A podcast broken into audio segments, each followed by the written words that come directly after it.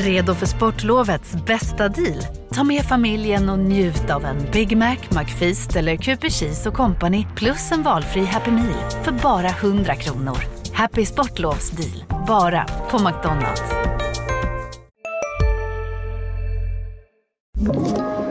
Podplay.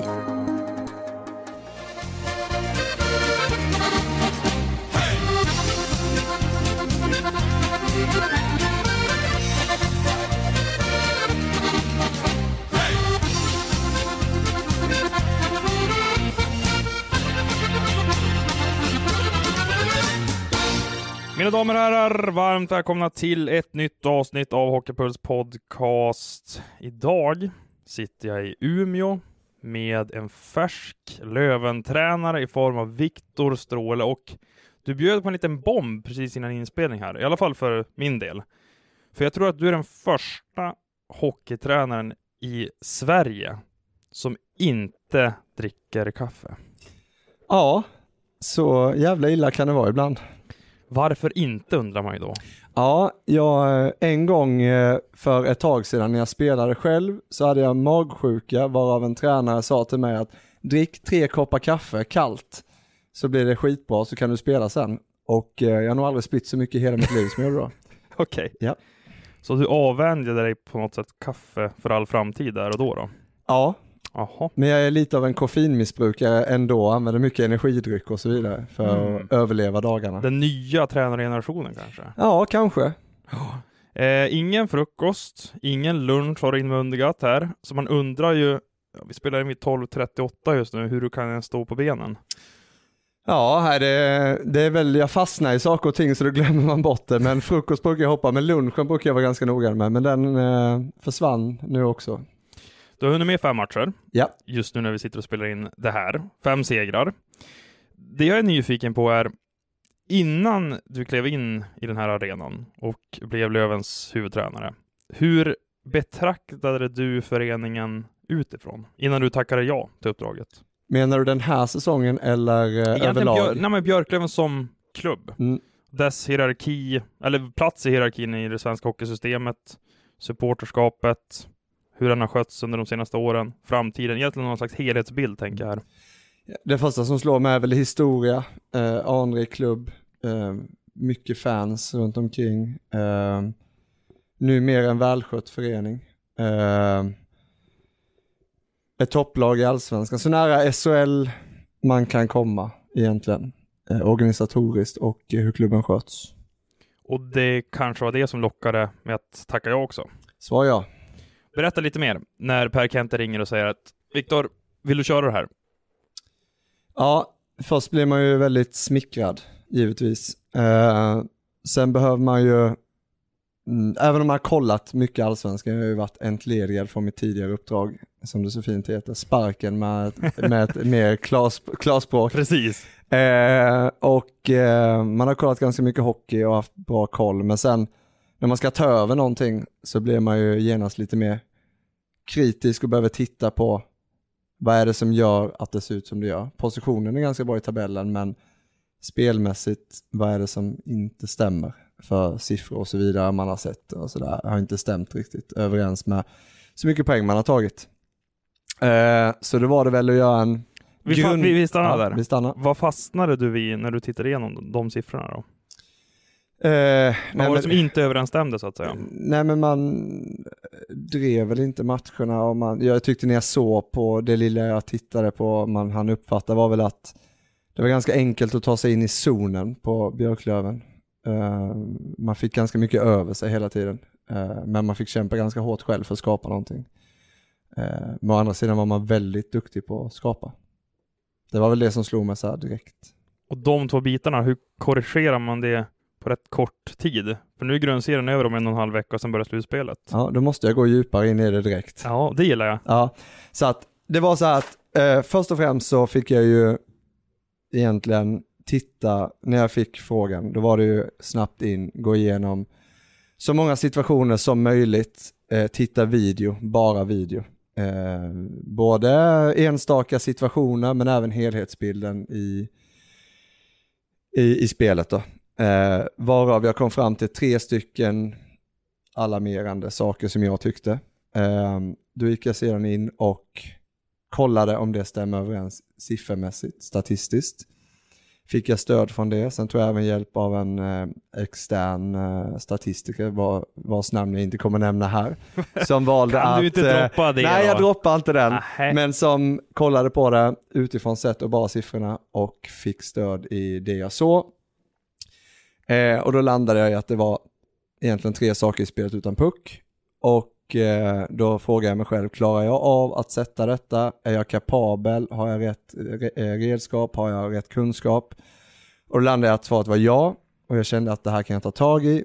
Eh, laget visste jag var i bra harmoni trots allt som har hänt. Jag visste att det var en, Hur visste du det? Jag pratade med Per och jag pratade även med lite folk runt omkring som hade bra insyn. Du vet. Per säljer ju såklart in det. Om han vill ha dig som ny huvudtränare. Jo, jo, men jag allt grön, gröna, Jag litar inte bara på en källa utan jag var tvungen att kolla vidare med lite fler. Bra, bra. Ja, och eh, fick en bra känsla. Eh, då valde jag att tacka ja. Men de där tre sakerna du pratar om, Mm. eh, hur, hur tycker du att ni har korrigerat dem så här långt?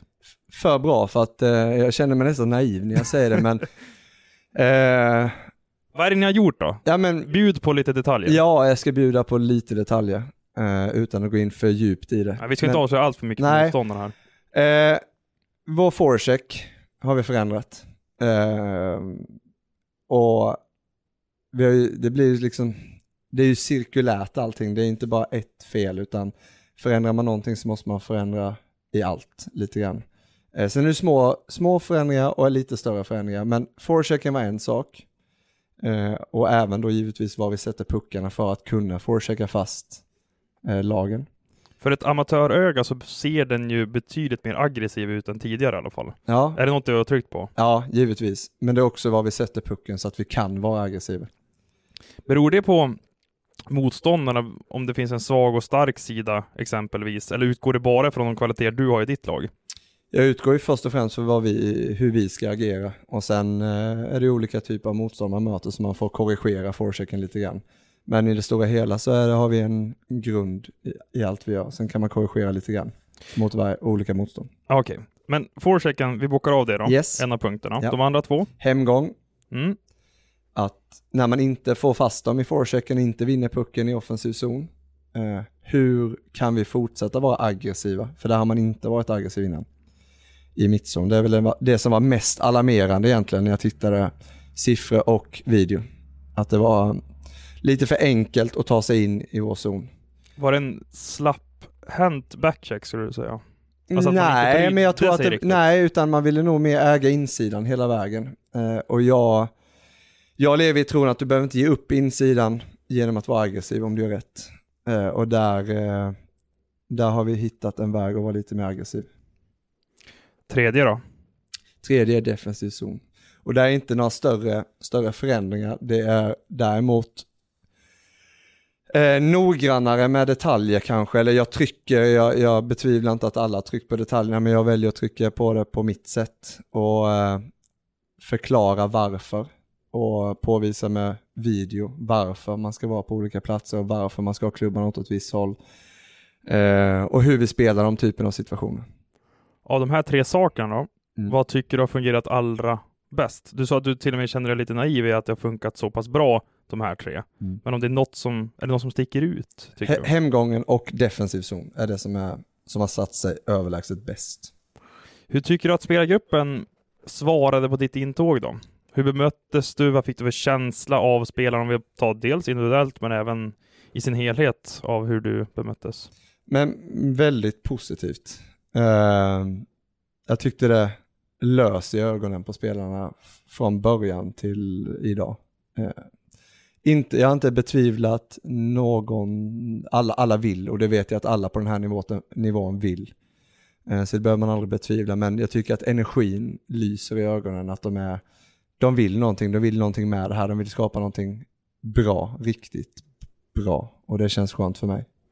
Fanns det några betänkligheter kring att hoppa på det här med tanke på Hans Wallsons sorti? Och att han pratar om dels hot och trakasserier som han fick utstå innan han sa nej, jag, jag lämnar det här skeppet. Jag klarar inte av att styra det längre. Först och främst så får man ju, må, måste jag säga att eh, det, det som har hänt Hans och allt detta är ju för jävligt på ren svenska.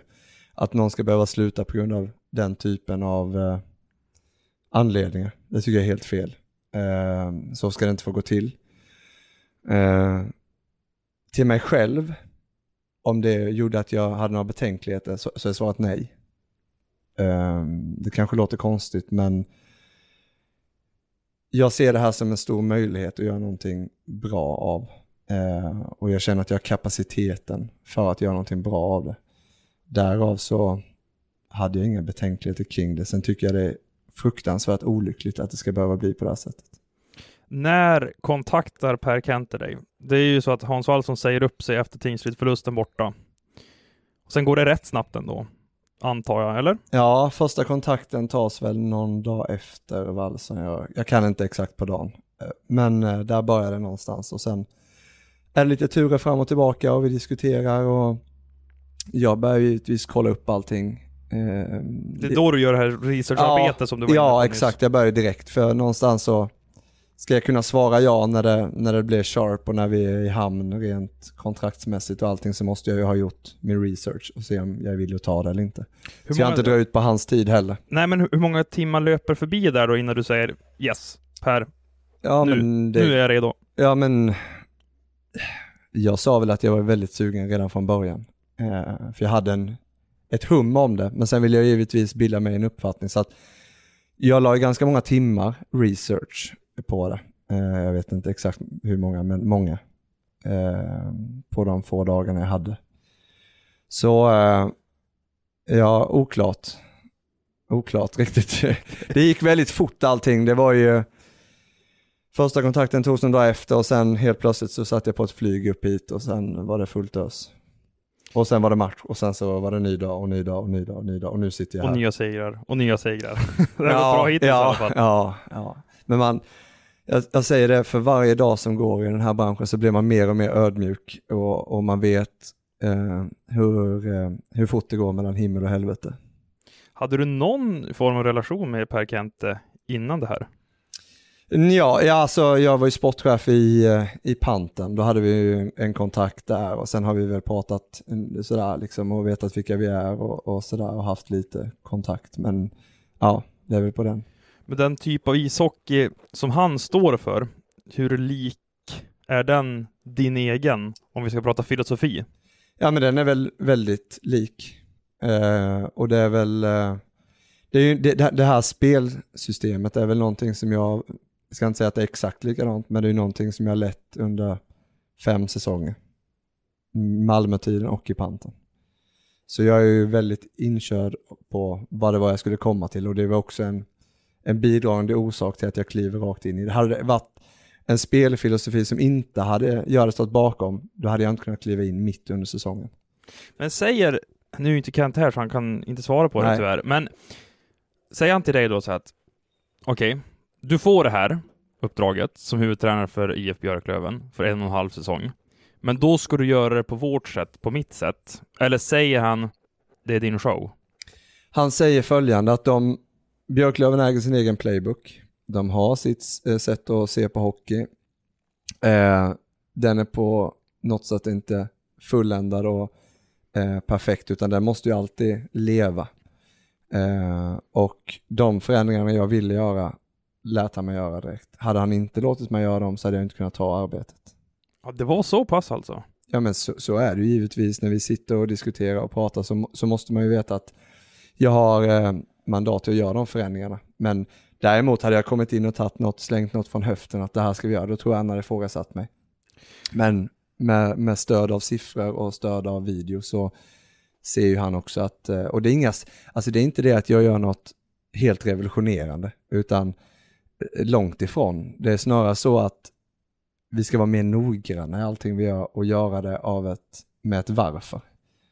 Och jag kan tänka mig att Kente också såg de här sakerna, att det fanns förbättringspotential i vissa delar. Givetvis, givetvis. Det är en smart hockeyhjärna. Så att han, eh, han har bra koll på det och det, det är liksom inga tvivel. Han vill spela en pressande och en aggressiv hockey och en fartfylld eh, offensiv och, och kunna skapa eh, stora målchanser. Så att det, det är inga, det är inga motsatsförhållande till varandra utan vi, vi vill samma sak, sen har man olika vägar att ta sig dit. Eh, men vi har väldigt bra samsyn so far. Nu nämnde du ju några saker där som jag kan tänka mig är grundstenarna i Björklövens spelidé och spelsätt. Mm. Kan du grotta ner dig lite mer i det för ja, men min och lyssnarnas del? Ja, men man, eh, man vill spela en konstruktiv hockey där man med puck eh, hittar lösningar. Vi vill inte kasta iväg pucken utan vi vill ju sätta den på bladet och få fart bakifrån och kunna skapa på ingångar eh, men även kunna bygga ett anfall och det är väl det är lite, vi är bättre på att skapa direkt på eh, on the rush än vi är att bygga upp ett anfallsspel och det är väl det är en förbättringspotential men styrkan sitter ju i omställningsspelet som är eh, dödligt tänkte jag säga. Men vi, det är ju extremt bra om man kollar. Eh, Jag känner en del Björklöven-supportrar. Ja. Jag har några kompisar som hejar på den här klubben och jag följer även Löven-supportrar i sociala medier. Ehm, och en sak jag reagerade på efter att du tog över efter Wallson och att många... Vänta här nu. Han är aktiv i båset. Han tar fram taktiktavlan. Han snackar med grabbarna. Nu har inte jag stått där. Jag har inte liksom följt Wallson varje match under de här säsongerna som han har varit Björklövens coach. Men det verkar ju finnas en skillnad i hur ni beter er under matcherna. Eh, håller du med om det och varför är du på det sättet kanske lite mer engagerad, vad det verkar i alla fall när kameralinsen ligger på dig? Ja, jag, jag, jag tror inte det visar om man har engagemang eller inte i och för sig. Jag tror att eh, Wallson har precis samma engagemang och, och om man nu ska prata om honom när inte han sitter här, vilket jag inte tycker egentligen, men jag vill ändå någonstans kliva in och säga att man är olika som människor eh, i, i hur man är i ett bås. Eh, det kan vara positivt och det kan vara negativt, att man är aktiv och det kan vara negativt och positivt om du är lite mer passiv och mer analytisk och står och tittar. Så att eh, ja, det finns nog inte rätt eller fel där. Jag själv däremot funkar som så att jag vill vara nära, har jag någonting jag kan påverka, det är inte jättemycket du kan påverka under matchen mer än det jag tror att jag vill förmedla det är en energinivå och visa att jag är på tåget ungefär och ser jag någonting som vi kan rätta till så gör vi det hellre under matchen än gör det efter. Om det är någonting som vi kan trycka på. Sen är det mest feedback. Framförallt när man sätter ett nytt system så är det liksom att, ja men där var du rätt, där var du rätt, eller du tänk på det här, eller mer så.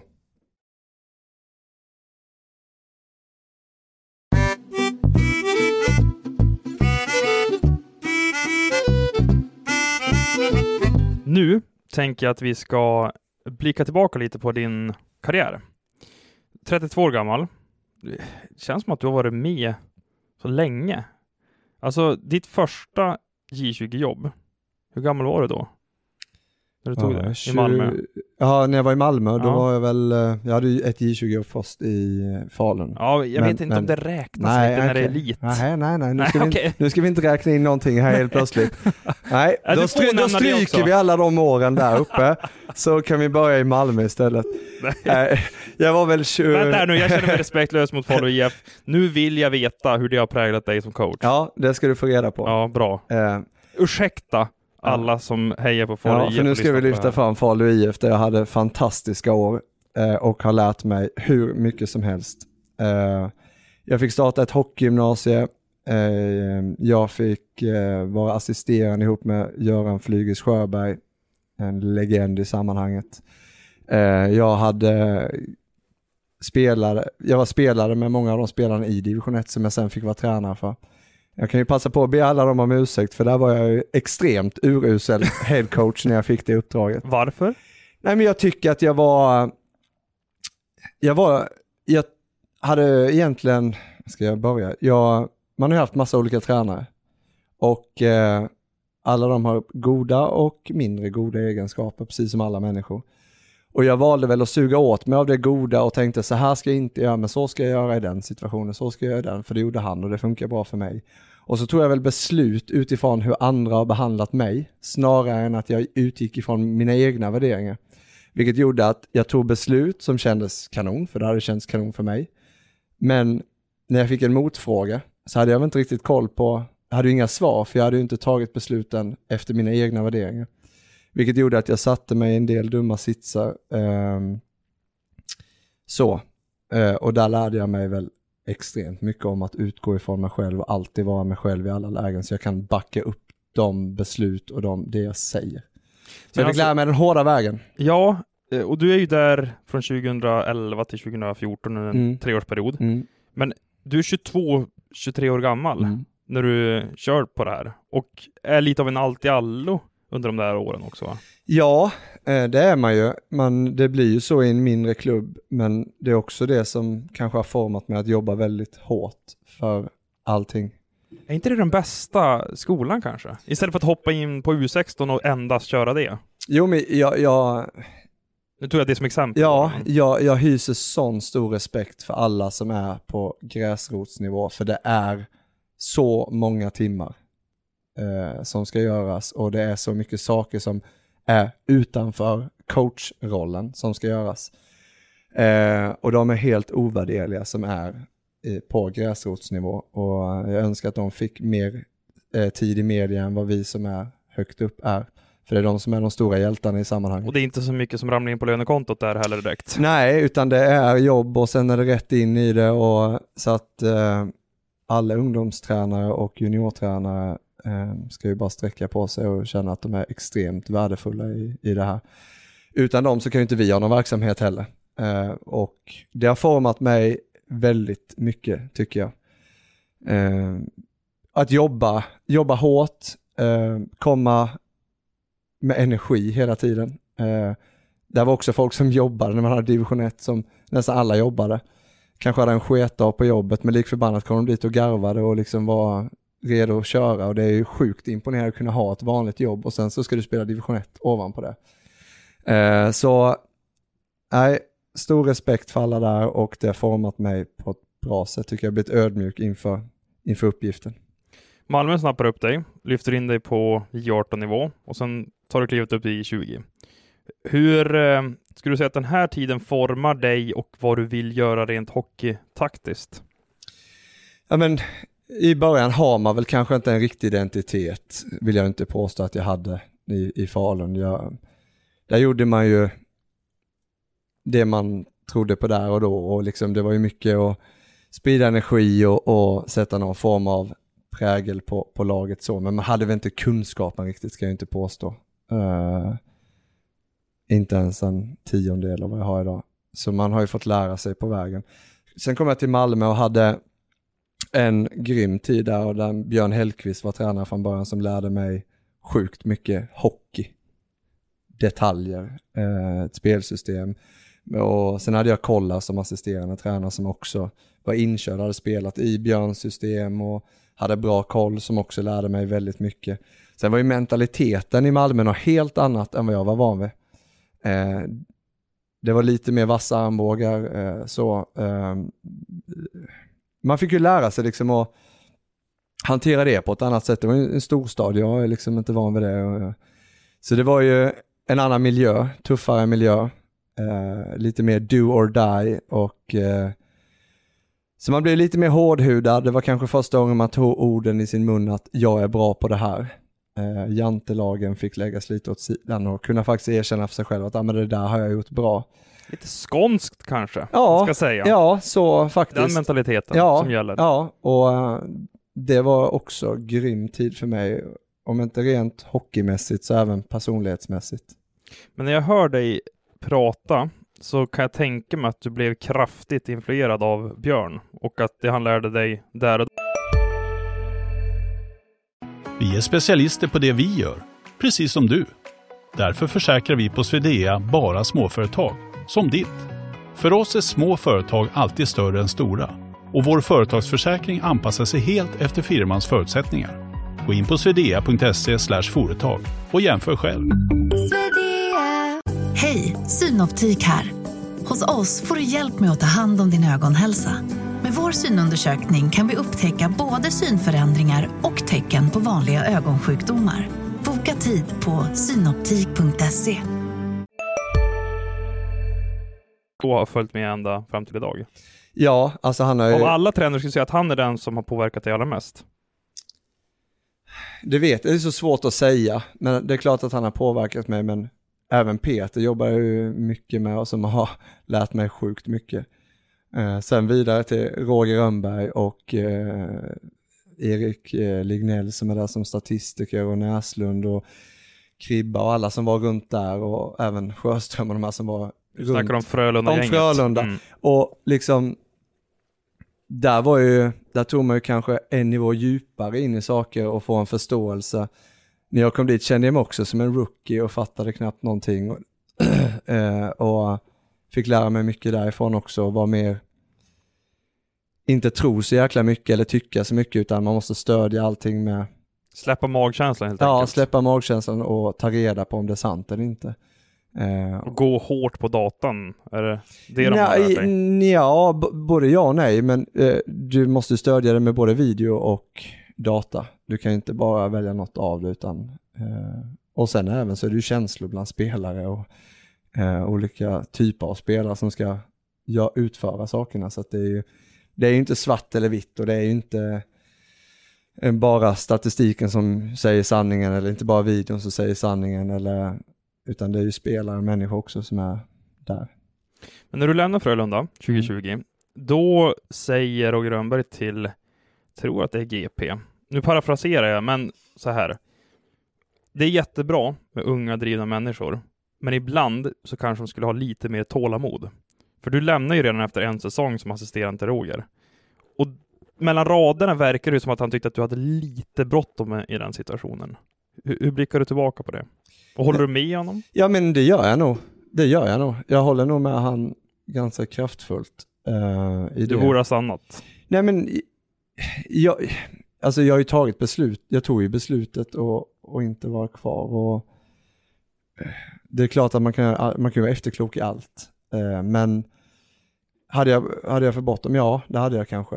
Eh, det är klart att jag förstår vad han menar och jag har stor respekt för Roger som är en fantastiskt duktig hockeytränare. Eh, och lärt mig jäkligt mycket av honom. Så ja, det kanske är det för bråttom.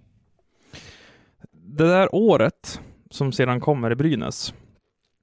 Alltså, vi skulle nog behöva en timme för att sammanfatta det. Men jag vill att vi börjar där det slutar. Eh, på en buss hemifrån Oskarshamn i slutet av grundserien 20, 2021 så eh, får ni veta att, ja du och Peter Andersson då, att nej, ni får inte vara kvar längre i den här föreningen. Men du hörde via omvägar, via Peter först och klubben meddelar inte dig som jag har förstått det. Um, nu när det har runnit lite vatten under broarna, vad tycker du om den hanteringen? Just under de där dagarna. Det är klart att den hanteringen kunde varit bättre. Eh, Diplomatiskt sagt. Ja, men det är klart att det kunde varit bättre. Men jag tror också om, om man inte isolerar en händelse i, i det här utan att man tittar på det ur ett större perspektiv så det är klart att man ha- hade en, en, en känsla av att det kunde ske. Alltså vi, vi presterar inte tillräckligt bra, punkt. Så enkelt är det. Eh, det är jag den första att skriva under på. Det är för dåligt. Eh, och hänger man löst då i, i hockey? Ja, det gör man. Det är en resultatbaserad bransch. Eh, kunde det skötts bättre? Ja, det kunde det. Eh, hyser jag något agg mot Brynäs nu? Nej. Eh, önskar jag dem all lycka? Ja. Är- Inget agg alls. Nej. Finns ingen anledning för mig och jag tror inte det hjälper mig överhuvudtaget heller om jag ska vara helt ärlig. Beror det på att de personer som styr klubben då inte är kvar? Nej, utan jag, jag tror inte att någon gör det av illvilja eller vill mig illa. Jag tror däremot att man hanterade det på, det var väl stressat där också, som för alla andra. Och man hanterade det på, kanske felaktigt. Jag tycker givetvis att det var felaktigt, men jag kan, ha förståelse till att det blev som det blev också. Jag är, jag är inte bitter, jag är inte arg, jag är inte besviken. Jag, är, jag har gått vidare, jag har lärt mig mycket av den. Jag fick för första gången på de här elva säsongerna jag varit tränare tiden att reflektera, fundera, gå igenom vad som varit bra, dåligt, eh, hur jag fungerar i olika situationer. Eh, att faktiskt kunna stanna upp och njuta någon gång, det har jag aldrig någonsin gjort. Eh, Det kanske är bra att det sker i det här skedet av din tränarkarriär också, när du är hyfsat ung och har en lång tid framöver innan du kommer att lägga bort taktikskolan för all framtid. Ja, ja, eh, ja det, har inte, det har inte gjort mig, det är klart som fasen att det var inte kul att få sparken. Jag sitter, nu sitter jag och ljuger om jag säger det, det var ju jättetungt där och då. Det blir ju som att någon spräcker en ballong.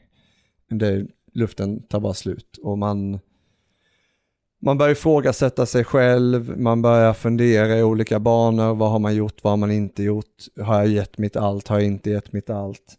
Sen när man har gått igenom det där de dagarna och man har låst in sig i ett rum eh, så landar man i olika saker och ting och sen, sen får man ju gå vidare. Och sen har jag haft mycket tid att kolla hockey, mycket tid att fundera över vad jag ska göra när jag får ett uppdrag, hur jag ska vara, vad, vem är jag, hur eh, fungerar jag, när är jag som bäst, när är jag som sämst eh, och vad tror jag på. Det där ska vi prata mer om, men jag släpper inte Brynäs helt och hållet än, för Nej. att du har ju varit i de där korridorerna. Ja. Och det är ju en förening som fortfarande blöder skulle jag säga och har varit inne i en ond spiral under flera år sedan SM-finalen mot HV71 2017. Vad är det som gör att Brynäs aldrig repar mod och hämtar sig och liksom börjar stegra rent utvecklings och resultatmässigt enligt dig? Hade jag vetat det så hade jag inte suttit här. Nej, det är ju sig sant. Men du kanske har en analys nu när det har landat? I, ja, både ja och nej. Eh, jag tror att det är en klubb som är i förändring just nu. Eh, jag tror att eh, ger man det här tid och man har tålamod och orkar vara konsekvent i det man vill göra så tror jag det kommer bli bra. Så tror jag. Så Mikko Manner, Alsen, Gram, det är en trio som du tror på rent sportsligt för klubben då? Jag behöver inte peka ut enskilda personer utan jag tror att kan man vara konsekvent i någonting och man kan jobba tillsammans i en synkad, eh, synkad eh, trio eller hur många det nu ska vara eh, och ha en gemensam tro på någonting så tror jag man kan ta sig väldigt långt. Hur löstes kontraktet med Brynäs? För det var ju löpande. Ja, det var väl en, eh, jag ska säga att det är mellan eh, Björklöven och Brynäs faktiskt. Jag har inte lagt några större värderingar hur, hur det där gick till men det är löst i alla fall. Ja, de- de skickade ut pressmeddelandet efter att det var löst i alla fall, inte som Malmö Nej, gjorde med Peter. nej, nej, det var, det var löst innan det kom ut. Så allsvenska Björklöven har en del att lära till SHL Malmö i den frågan i alla fall kan man säga. du bara nickar lite där för lyssnare här. Vi gör ju en podd som, jag måste berätta vad som händer här i rummet i eh, Björklövens katakomber där vi sitter i coachrummet och du har inte ens, ja, kan du allt, alla rum och korridorer här och så? Du hade svårt att hitta kaffe till mig i alla fall. Ja, det, jag vet inte vad, jag ska kolla sen med materialarna var kaffekannorna är någonstans. Jag hittar inte dem. Jag hittar kaffe och filter och allting men inte själva kannan. Så det var svårt att brygga någon kaffe till dig. Nå, jag skulle upp på kontoret innan idag. Så frågade jag Vainio, eh, var ligger det? Då pekade han åt den sidan här till vänster. Så jag gick upp dit, kontoret låg till höger. Så att jag gick där och rotade lite, han hade inte heller koll. Men Nej. Ja, jag hittade dit till slut så att nej, jag har väl inte superkoll på allting. Vi har mest varit på roadtrip här nu så att inte jättemånga timmar i hallen. Spelar han på fredag? Vainio? Oklart. Okej. Men 50-50 typ eller? Extremt oklart säger. Okej. Mm. Ja.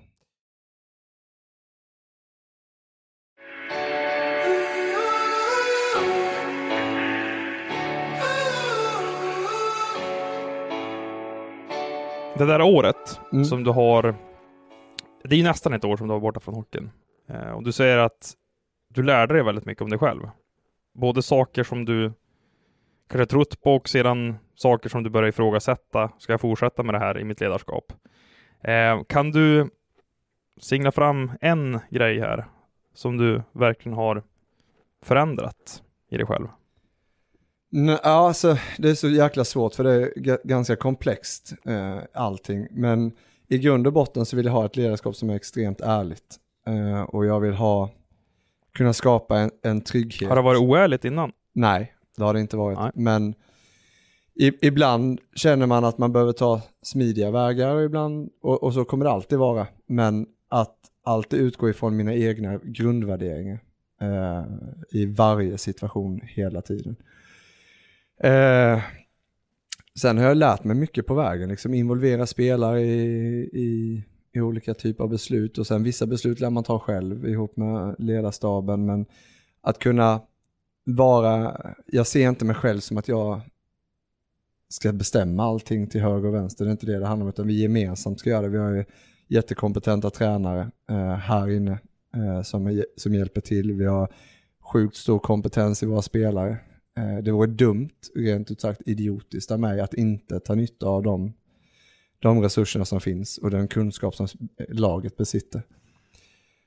Så du gillar att fördela ut ansvaret i spelargruppen ganska mycket då? Att ja, men jag, jag, jag, vill, jag vill ha med dem i, i olika typer av beslut vi tar och sen, sen kan inte jag rätta allting efter hur de vill ha det, utan, men, men vi ska ha en eh, gemensam syn och när vi klubbar någonting så klubbar vi någonting, då är det så. Men jag vill absolut ha med dem på tåget, annars så tror jag det blir väldigt svårt att göra en förändring. Du har ju varit ASS-tränare, huvudtränare, sportchef. Vilken roll gillar du bäst?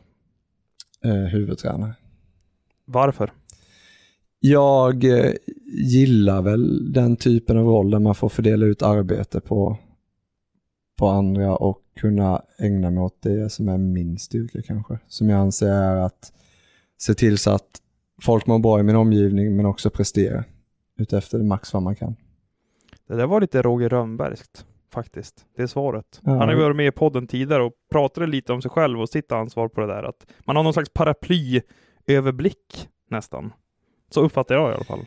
Ja men det, det, alltså jag säger återigen, det är klart man inspireras av folk man jobbar med och Roger är en av dem. Jag är inspirerat med Peter en annan, Björn en annan och många där fler. Så att det är väl klart att man, man snappar upp saker och ting som är bra.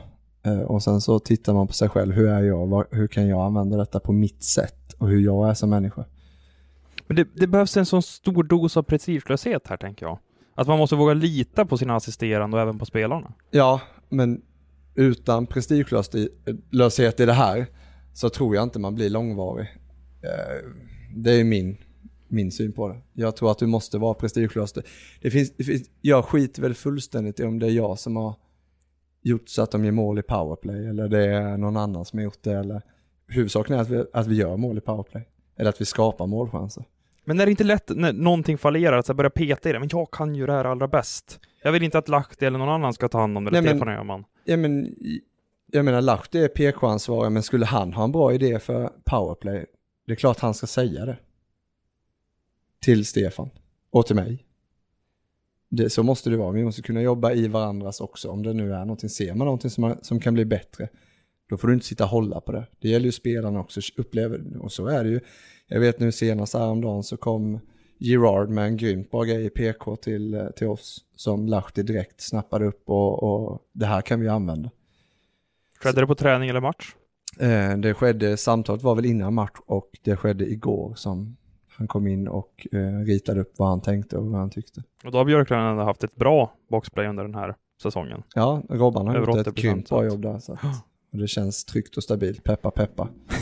Man vågar knappt säga sådana saker. Nej, exakt, nu när slutspelet närmar sig allt ja. också. Men Girard där då? Vad är det han, vad var han anmärkte på?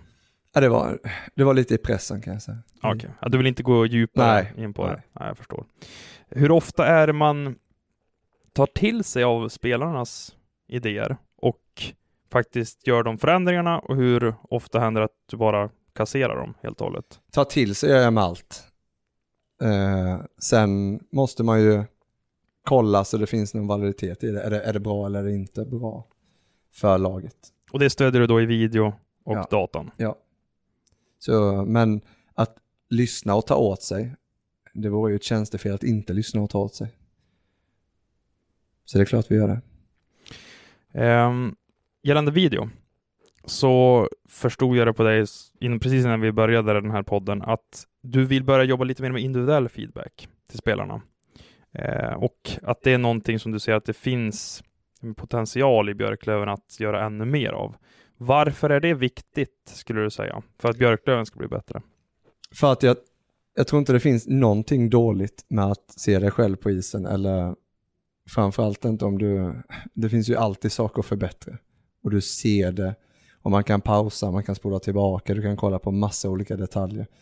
Eh, och jag tror att det är grymt bra för spelarna, sitta i backpar eller själv, eh, i en line eller inte i en line, i powerplay, eh, vare sig det är för dig själv eller för hela enheten. Eh, jag tror att alla de bitarna du kan skapa en samsyn med de du spelar med är positivt.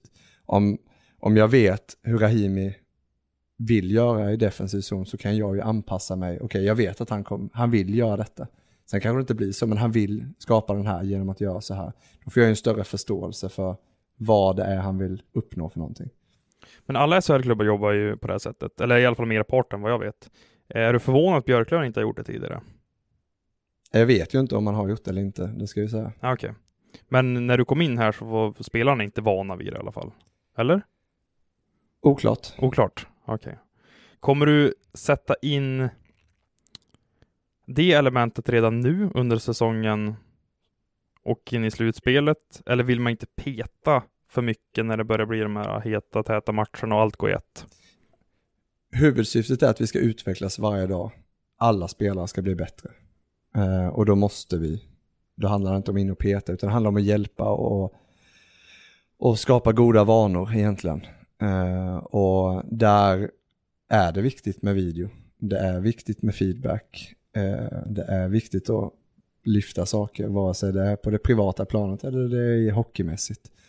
Vi måste vara öppna mot varandra. Eh, så att ja, vi kommer börja med det. Framförallt kommer väl Robban och eh, Stefan göra det mest då jag lär hålla lite i helheten här nu till en början.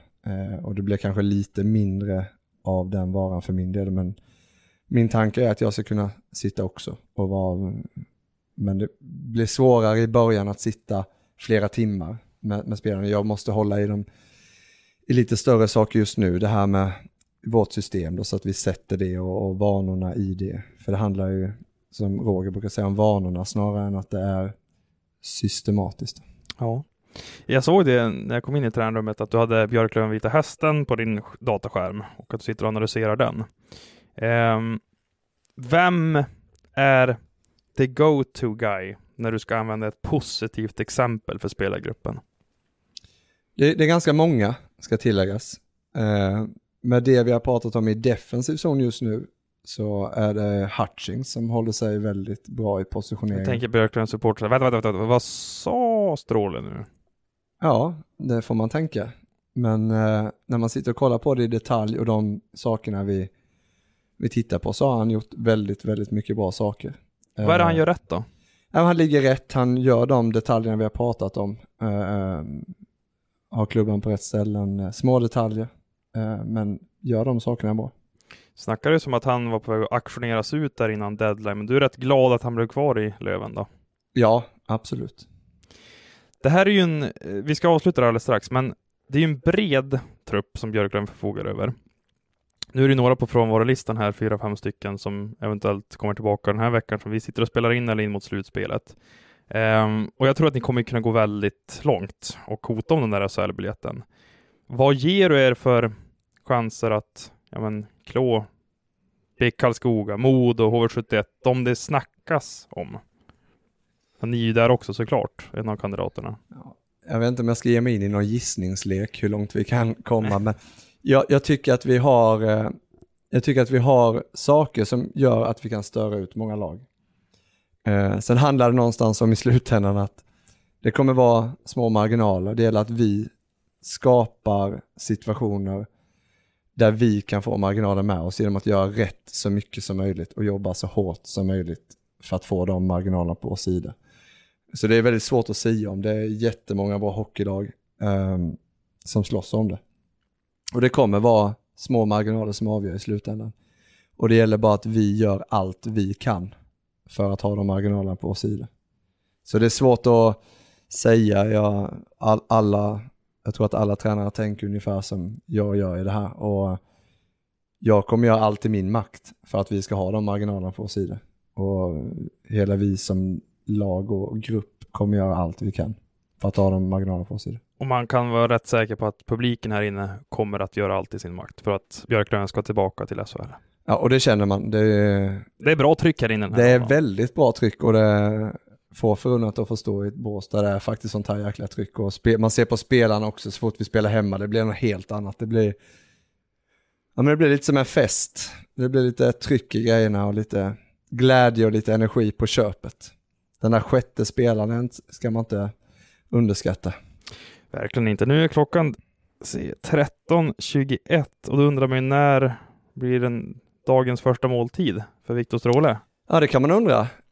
Jag tänker mig kanske om en timme. Jaha, vad är det då? Lunch eller middag eller? Ja, det blir någon hybridvariant tror jag. Du måste börja räta upp dina rutiner där kring maten tycker jag. Ja, det behöver jag absolut göra. Jag ser att du har fått i dig någon snus va? Ja, Ja. det, det, det tar jag. Det var det skrämmande om du varken drack kaffe eller snusade som hockeytränare. Ja, ja, någonting gör jag. Vissa saker finns ju i tränarmallen. Att så här, ja, men, man ska ha kaffe, man ska snusa, man ska sitta på kontoret dygnet runt känns det som. Det, det må, du måste ju... Jag är nyfiken. Hur- Man måste ju försaka så mycket som, som tränare. Ja, Alltså det är dygnet runt jobb i princip tio månader. ja. Det, är, det gör man. Det gör man. Jag ljuger om jag inte säger annat. Det går ju ut eh, över min sambo, nu är hon extremt förstående i min situation och eh, har sitt egna liv, vilket är tur. Och, Är hon med upp till Umeå? Inte just nu, hon Nej. kommer, hon kommer till nästa säsong sen. Eh, men nu är hon kvar i, i Gävle och jobbar där. Men eh, så hon, hon har ju sitt egna liv och, och tränar mycket och gör de här sakerna som gör att hon inte sitter och väntar på mig hemma. Hade hon gjort det så hade det nog varit väldigt jobbigt att hålla på med det. Utan hon har, hon har sin, sin grej hon kör och det är att jobba mycket. Så att det är ju en fördel, men sen absolut, det går ju ut över när man flyttar runt, eh, ens barndomskompisar och sådär träffar man, träffar man inte lika ofta, familjen träffar man inte lika ofta. Eh, så det är klart att man försakar saker. Eh, men jag är ju, försöker ju hålla kontakten så gott det går med alla som betyder någonting för mig och försöker köra en catch-up på sommaren. Viktor Stråle, stort tack för att du är med i Hockeypuls podcast och snackade din egen karriär och Björklöven och även framtiden. Vi får väl se vad den innehåller. Du vill inte sia om den och det kan jag förstå. Man vill inte jinxa något i de här tiderna. Nej, det vill man inte, men eh, det har varit väldigt kul att vara med här. Härligt. Och vi säger tack till alla som har lyssnat på det här också. Adam.johansson.expressen.se om ni har några funderingar. Och sen så kan ni följa oss på Instagram också. Sedan fyra, fem dagar tillbaka så finns det ett konto som heter Hockeypuls där. Så ehm, ratta in det, eller ratta in det, följ det rättare sagt. Så får ni alla uppdateringar om alla avsnitt resten av säsongen. Nu säger jag och Viktor Stråle tack för oss och hoppas att ni får en fortsatt fin dag oavsett var i Hockeysverige ni befinner er. Tack och hej!